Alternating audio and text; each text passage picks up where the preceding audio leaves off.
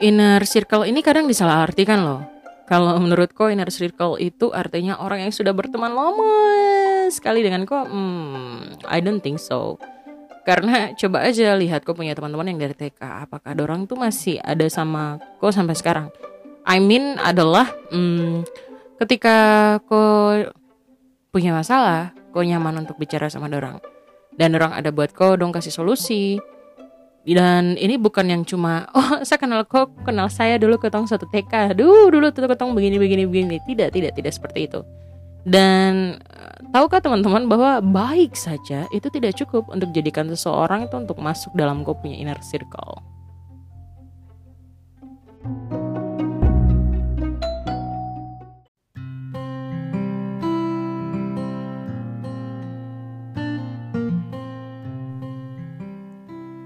Aloha, selamat datang kembali teman-teman para pendengar setiap podcast kita orang bersama cerita seru Jini Karai. Terlebih senang lagi waktu dapat banyak DM via Instagram tentang testimoni dari teman-teman tentang podcast ini. Sebelum saya mulai, saya pribadi Jenny Karai mau ngucapin terima kasih buat teman-teman yang setia mendukung podcast ini. Dan hari ini yang teman-teman dengar itu podcast episode ke-23. Oh, au, au, au. Dan terima kasih juga buat teman-teman yang posting Insta Story, DM atau komen di sosmednya Jenny Karai dari tanggal 26 eh bukan dari tanggal 25, 26, 27, 28, 29 yang ngasih uh, selamat ucapan eh selamat ucapan ucapan selamat ulang tahun buat Jenny Karai. Makasih banyak teman-teman karena uh, diriku tanpa kalian apalah daya ya.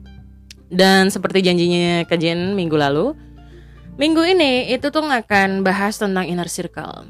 Sempat beberapa minggu lalu tuh ada salah satu pendengar yang DM tanya kajian. Kajian, bagaimana sih caranya buat inner circle buat kita orang yang belum punya inner circle? Nah, karena barang ini udah penting sekali, makanya kajian perlu untuk buat edisi spesial satu satu satu episode gitu untuk bahas barang ini biar teman-teman juga bisa paham dan tidak terjebak dengan drama-drama kehidupan yang tidak jelas sepanjang tahun ini juga.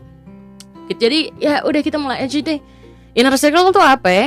Inner circle ini bisa saya sebut teman dekat, terdekat. Orang yang jadi kau teman dekat itu adalah sosok yang paling mempengaruhi kau punya cara pandang, gaya hidup sampai bagaimana kau memandang Tuhan. Entah kau nih agama Kristen, Islam, Katolik, Hindu, Buddha, Konghucu, apa pun itu mereka tuh bisa ngefek sengefek-ngefek itu. Dan teman yang baik saja itu belum tentu bisa kuat bertahan waktu kau buat masalah. Bahkan kalau kau berteman dari SD pun ya belum tentu dong bisa jadi inner circle. Dan inner circle ini juga adalah orang-orang terdekatnya kau yang bisa mengarahkan kau kepada Tuhan. Orang yang mau tegur kau waktu kau salah ambil keputusan, dan mereka bukan malah yang kasih tinggal kok oh kok salah? Tuh kasih tinggal kok tong setrama sama kok no way. Itu bukan berarti itu bukan inner circle dan you have to let it go. Mereka yang mau ikut mendoakan dan ikut memberikan solusi waktu kau butuh jalan keluar. Sama teman-teman lihat di sini bahwa mendengarkan keluh kesah saja itu telah cukup loh untuk buat orang tuh masuk dalam ketong punya inner circle. Kita orang itu butuh seseorang yang bisa membantu orang menemukan solusi terhadap masalahnya orang you know friends in your life are shaping the future of your life. Itu kayak macam di Amsal 27 ayat 11 ya besi menajamkan besi orang menajamkan sesamanya. Kalau dorang tidak bisa kasih solusi terhadap kau punya permasalahan ya dorang akan mengarahkan kau untuk mendekatkan diri kepada Tuhan. Cuman dua itu saja. Dan kalau kau ketemu orang yang malah panas-panasin kau tambah aduh sudah kau pikir bye-bye. Dan inner circle ini uh, harus punya tujuan dan peraturan sebaiknya dalam inner circle ya harus harus ada harus ada tujuan dan peraturan. Misalnya apa tujuan kita berteman? Peraturannya apa yang harus ada dalam pertemanannya orang? Saya kasih contoh, tujuan berteman misalnya ya, agar tong bisa saling belajar menjadi dewasa di dalam Tuhan. Nah, berarti peraturannya adalah ya kau tidak boleh marah lebih dari sehari dan kau harus jujur. Analogi atau perumpamaannya itu saya kasih seperti begini. Waktu kita orang naik roller coaster ya, Tong tahu kalau tujuannya adalah naik roller coaster. Terus Tong memutuskan untuk oke, okay, Tong beli tiket, antri pas waktu Tong tunggu-tunggu uh, Tong punya apa jatah untuk naik. Itu Tong lihat orang-orang yang sudah selesai main roller coaster. Terus waktu tiba Tong punya giliran, itu karyawan kan pasti bakal cek toh apa Tong sudah pasang sabuk pengaman kah tidak biar tong cedera waktu main kalau teman-teman kan perhatikan itu medan roller coaster tuh udah mulus loh ada naik turun sampai tak bola balai tak putar-putar. Bay semua itu ada.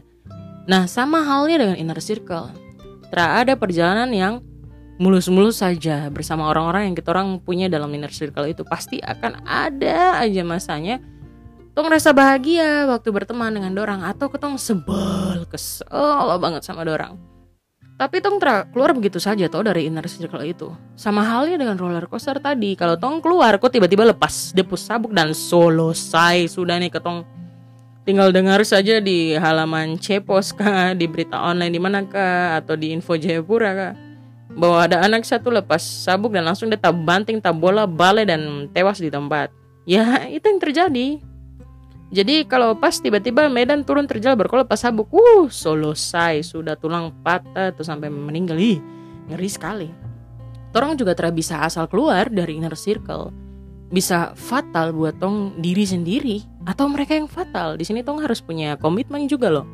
Dengan inner circle-nya kita orang. Pasti teman-teman familiar dengan 1 Korintus 15 ayat 33. Bad company curb good character. Tak peduli seberapa kau pintar kah, kau punya talenta banyak kah, karakter itu lebih penting loh dari dua hal itu. Karena karakter yang baik itu akan buat kau mampu bertahan di dunia. Best way to get good character is to remove bad company. Jadi kalau kau tahu, oh, I have a bad company, oke, okay, remove it, remove it jangan malah kau pertahankan yang ada nanti malah kau harus bayar dengan kau punya karakter sendiri dan dalam dunia pertemanan itu ada enam tahap loh untuk berteman. Jadi tidak bisa tiba-tiba kau ketemu langsung ah satar kau langsung di inner circle. Nggak bisa kayak gitu. Itu tuh ada prosesnya gitu. Yang pertama misalnya uh, kau jadi stranger dulu. Stranger dari orang asing tuh terbaku tahu nama terus kenalan. Terus jadi acquaintance akhirnya baru kenal oh ini dia punya nama Jenny misalnya terus akhirnya kok jadi teman biasa casual friends. Jadi teman yang biasa banget. Jadi hai Jen. Hai gini gini. Ah itu casual friends. Tapi hanya sampai segitu. Close friends kok sudah mulai diajak eh nongkrong di sini yuk. Kok sudah mulai ngajak dan nonton apa itu udah mulai nyaman. Dan setelah itu baru masuk di best friends atau inner circle teman yang dong bilang teman-teman sungguh mati kayak itu atau yang dong bilang sahabat. Nah itu baru masuk di inner circle jadi saya kasih ingat lagi teman-teman ingat orang kalau mau bertamu kan tidak mungkin langsung lompat ke kamar tidak tapi harus dari luar halaman ketuk dulu dipersilakan dulu ke halaman duduk di teras dulu baru bisa ketemu ini itu ini itu sama halnya juga dengan pertemanan. Jadi bukan berarti kok baru kenal langsung tiba-tiba kok rasa klop in the name of klop gitu langsung kok kasih masuk dia dalam kategori circle. No way. Karena inner circle itu kok harus uji dia dengan berjalannya waktu. You have to take a time, buddy. Dan hati-hati orang Jawa yang bilang tuh ojo ke susu. Jangan kok mau cepet-cepat.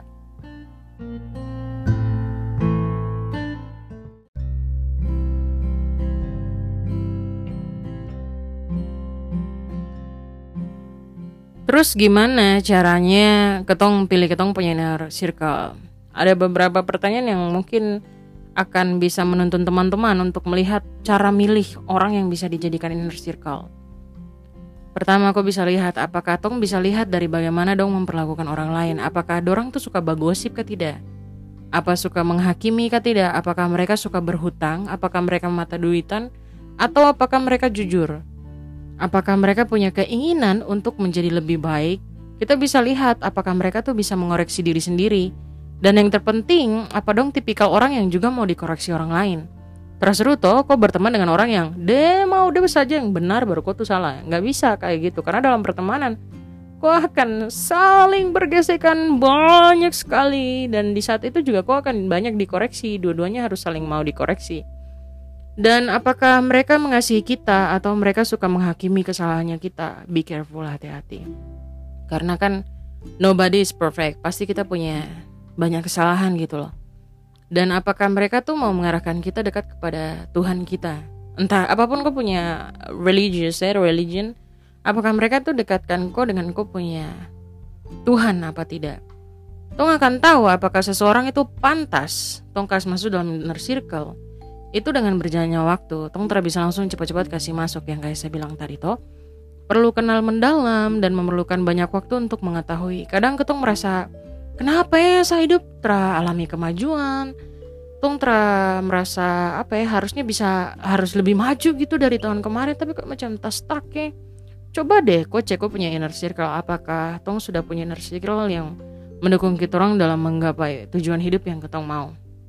Kami ingat kata Rada, uh, kalau di Alkitab itu ada contoh perumpamaan pria yang disembuhkan oleh Tuhan Yesus yang dibantu sama Depo empat teman. Kalau kamu baca itu kan baca di Markus 2 ayat 1 sampai 12. Kalau teman-teman lihat dia punya konteks baik-baik ya. Kalau kamu perhatikan zaman dulu itu orang yang sakit biasanya tuh dong diasingkan loh oleh penduduk karena dong dianggap dong kena kutuk atau dong bikin dosa yang berat sekali makanya dong di hajar pakai penyakit kayak gitu. Tapi kau lihat, dia punya empat teman itu tahu kalau dia tuh bukan orang seperti itu.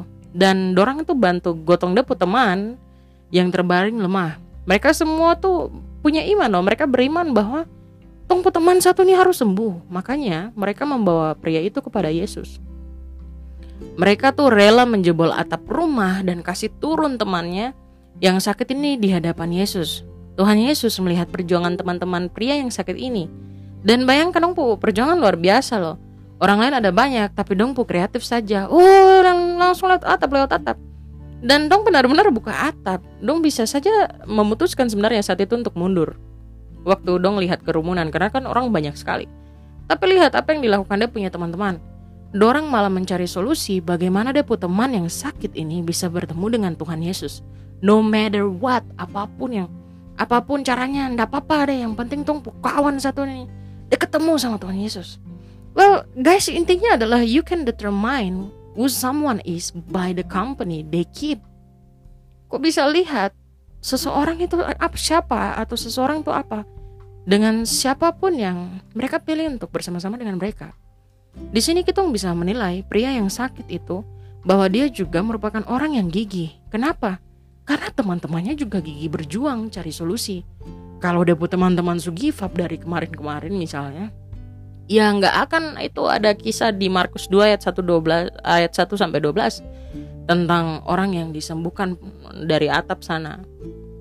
So, apa yang kita lakukan agar punya inner circle yang baik? Yang pertama nih, saya kasih nasihat. Jangan punya mental korban.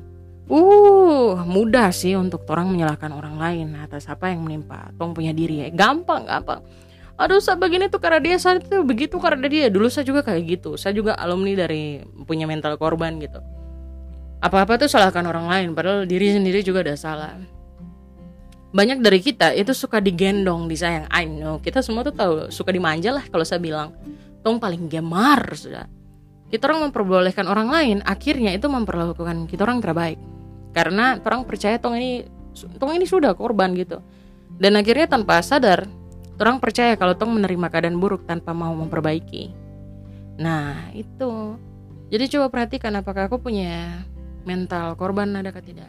Terus manusia itu kan adalah makhluk sosial tuh yang bisa hidup sendiri kita tuh lupa bahwa kita akan menarik orang-orang yang sama pemikirannya dengan kita orang jadi kalau kau hopeless kok kau punya chance untuk tarik orang-orang yang hopeless juga. Be careful loh.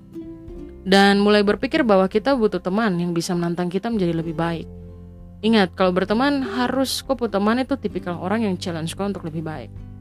Kalau kau stuck saja ya terus ngapain kau buat teman-teman bikin capek-capek diri. Maka ketong harus akan bertemu dengan orang-orang yang mau tantang ketong lebih baik. Cari teman yang bisa mendukung kau untuk belajar berpikir hal baru, tidak putus asa menjadi orang yang mau mencari solusi dan mau maju.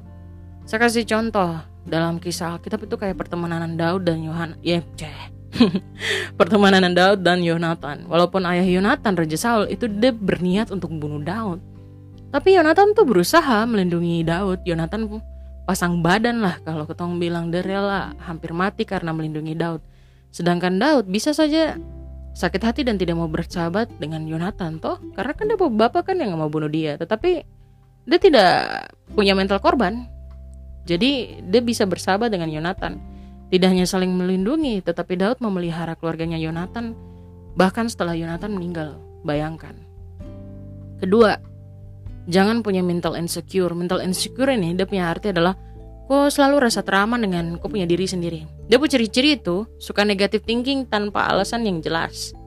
Saat mengalami masalah, cepat minta tolong dan cerita tentang kau punya keadaan. Banyak yang mikir masalah dipecahkan sendiri. Itu tuh sebenarnya salah satu ciri orang sombong, I tell you people. orang sombong itu selalu merasa lebih tinggi dari orang lain dan terang mau cerita karena rasa takut dan bisa handle deh masalah sendiri. Padahal sebenarnya kok bisa dapat solusi yang kreatif ketika kok cerita sama orang lain. Tinggal tergantung lagi kok cerita ke mana. Dan juga uh, tidak mau melangkah maju karena nyaman dengan keadaan. Contoh, orang yang suka nyinyir, suka fokus dengan hidup orang lain, itu akan susah berubah loh. Kenapa? Karena dia sibuk melihat kesalahan orang lain tanpa mau memperbaiki diri sendiri. Di saat orang lain mengalami kemajuan, dia hanya duduk di tempat tanpa ada kemajuan. Lucu tuh Sedih toh, yo jangan mau. Orang yang mental baik akan mau menerima kritik dan saran. Karena dia tahu orang yang memberikan kritik dan saran itu peduli sama dia. Dan yang ketiga, kelilingi kau punya diri dengan orang-orang yang punya iman positif. Kau harus berani cari teman yang punya iman positif. Apa itu iman positif? Adalah orang yang buat kau makin dekat dengan kau punya Tuhan. Walaupun mereka tidak dapat memberikan solusi, mereka akan mendoakan kau dan memperkatakan firman Tuhan kepada kau, bukan malah menjauhkan diri dari kau. Dan untuk menemukan orang-orang seperti ini kau harus punya mental baja loh. Kenapa? Karena manusia tidak ada yang sempurna, pasti semua tuh punya kekurangan. Kalau kau teramo yang ada kekurangan, sudah kau batamang dengan malaikat.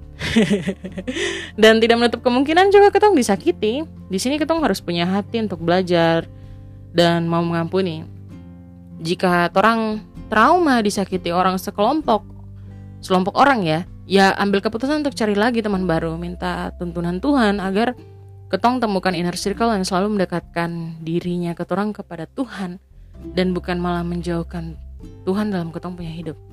Saya kasih contoh. Kalau ketorang terjebak dalam kecanduan pornografi ya cari pertolongan berani jujur dengan teman bilang aduh saya kok susah ya kayak macam satu pengen terus terus nonton film porno tidak bisa berhenti berhenti dan minta dia bantuan untuk kok bagaimana caranya menghadapi kecanduan pornografi? Cari teman yang lebih tua juga untuk bisa kasih masukan. Dan ingat teman-teman inner circle itu tidak selalu teman sepantaran. Bisa berteman dengan orang yang lebih tua atau lebih muda dan saya akan tutup podcast ini dengan saya punya cerita tentang inner circle sendiri. Believe it or not, saya pribadi seorang Jenny Karaya yang ceria, cakadidi lah, punya banyak kenalan sana sini. Itu di seluruh dunia nih, seluruh dunia yang berapa juta orang, itu saya punya lima orang yang saya bisa sebut inner circle. Cuma lima, cuma lima. Yang saya dekat sekali cuma satu. Dan satu ketemu dorang itu dalam masa, tempat, dan tahun yang berbeda-beda. Dan waktu kenal dorang semua itu tidak ada yang tiba-tiba ketemu langsung sebelah ini dia inner circleku. Tidak, tidak ada. Tapi malah dengan berjalannya waktu lihat bagaimana dong punya karakter, dong punya kontribusi dalam punya hidup juga dan bagaimana dong memandang hidup. Baru desa bisa klub sama dorang. Kan you know ada tipikal orang yang mau kok punya hidup musim tuh jungkir balik dah kan stick like a stone itu tipikal orang yang harus ada dalam kau punya inner circle karena ada yang belum apa-apa semacam bunga kapas toh. Film langsung terbang. Dan sama saya punya sahabat sahabat ini yang lima orang ini saya punya inner circle ini ketong itu dari yang pertama kali ketemu tuh saling baku tersuka dari yang baku marah saling nganggap eh bukan gue banget gitu lah orang bilang atau diam-diam itu sampai tertawa sama-sama sedih sama-sama nangis sama-sama itu sudah dilewati sama-sama. Dan dorong juga tahu Jenny Kara itu seperti apa. Dan saya nggak nggak menutup diri saya sama mereka. Mereka tahu kok saya tuh tipikal orang yang kayak gimana saya tuh senang gimana ndak suka gimana. Saya terbuka sama mereka dan mereka tahu semua rencana rancangan impian ketakutan pergumulan. Dan mereka bukan tipikal orang yang mulut bocor. Dan bagaimana saya tahu itu Ya karena saya uji orang dalam waktu yang tidak cepat. Karena mereka juga, saya bisa lalui banyak titik-titik terendah dalam saya punya hidup. Eits, jangan pikir seorang Jenny Kara itu tidak luput dari yang namanya low points dalam hidup. Saya punya titik-titik di mana saya bisa bangun jam 2 pagi, saya duduk menangis. Atau saya bisa duduk pagi-pagi tiba-tiba saya ternyata saya mau bikin apa itu itu ada titik-titik saya kayak begitu dulu. Dan saya mengalami itu banyak hal. Dan saya lihat saya punya sahabat-sahabat ini adalah orang-orang yang mereka selalu kuatkan saya. Bahkan kalau macam sama Radong bukan tipikal yang aduh itu anak kurang ajar. Tidak dong tidak kasih panas saya tapi dong seperti air. Weh kalau saya api dong air cush langsung saya tenang. Dong tipikal orang yang kayak gitu. Dan saya kasih pesan sih teman-teman banyak-banyaklah bersabar gitu. Karena inner circle ini butuh diuji dan artinya adalah aku butuh waktu yang lama untuk uji itu. Ini baru kutung bicara inner circle loh belum jodoh. Iya. Tapi tentang terakan bahas tentang jodoh deh. Intinya kan ketong poinnya adalah inner circle dulu toh. Jadi uji dulu kawan baru ku bisa sebut orang inner circle. Ya sampai di sini dulu podcast cerita seru bareng Janji Karai Uh, jangan lupa teman-teman untuk dukung podcast ini caranya gratis. Silahkan follow kalau kamu pengguna Spotify atau subscribe dan beri bintang 5 kalau kau pengguna Apple Podcast. Dan bila kau pengguna Anchor atau Google Podcast jangan lupa untuk klik tombol ya deh. Bibir miring-miring jangan lupa untuk klik tombol follow. Dan Jenny Kara akan senang banget kalau teman-teman DM tentang masukan atau testimoni. Teman-teman setelah dengar podcast ini dan jangan sungkan-sungkan atau malu-malu hati buat DM di Instagram @jennykarai. Oke, okay, have a great day teman-teman. Tetap semangat, tetap optimis, stay hydrate, tetap rendah hati, tetap cantik, tetap cakep bersama Jenny Karai. Dadah semuanya.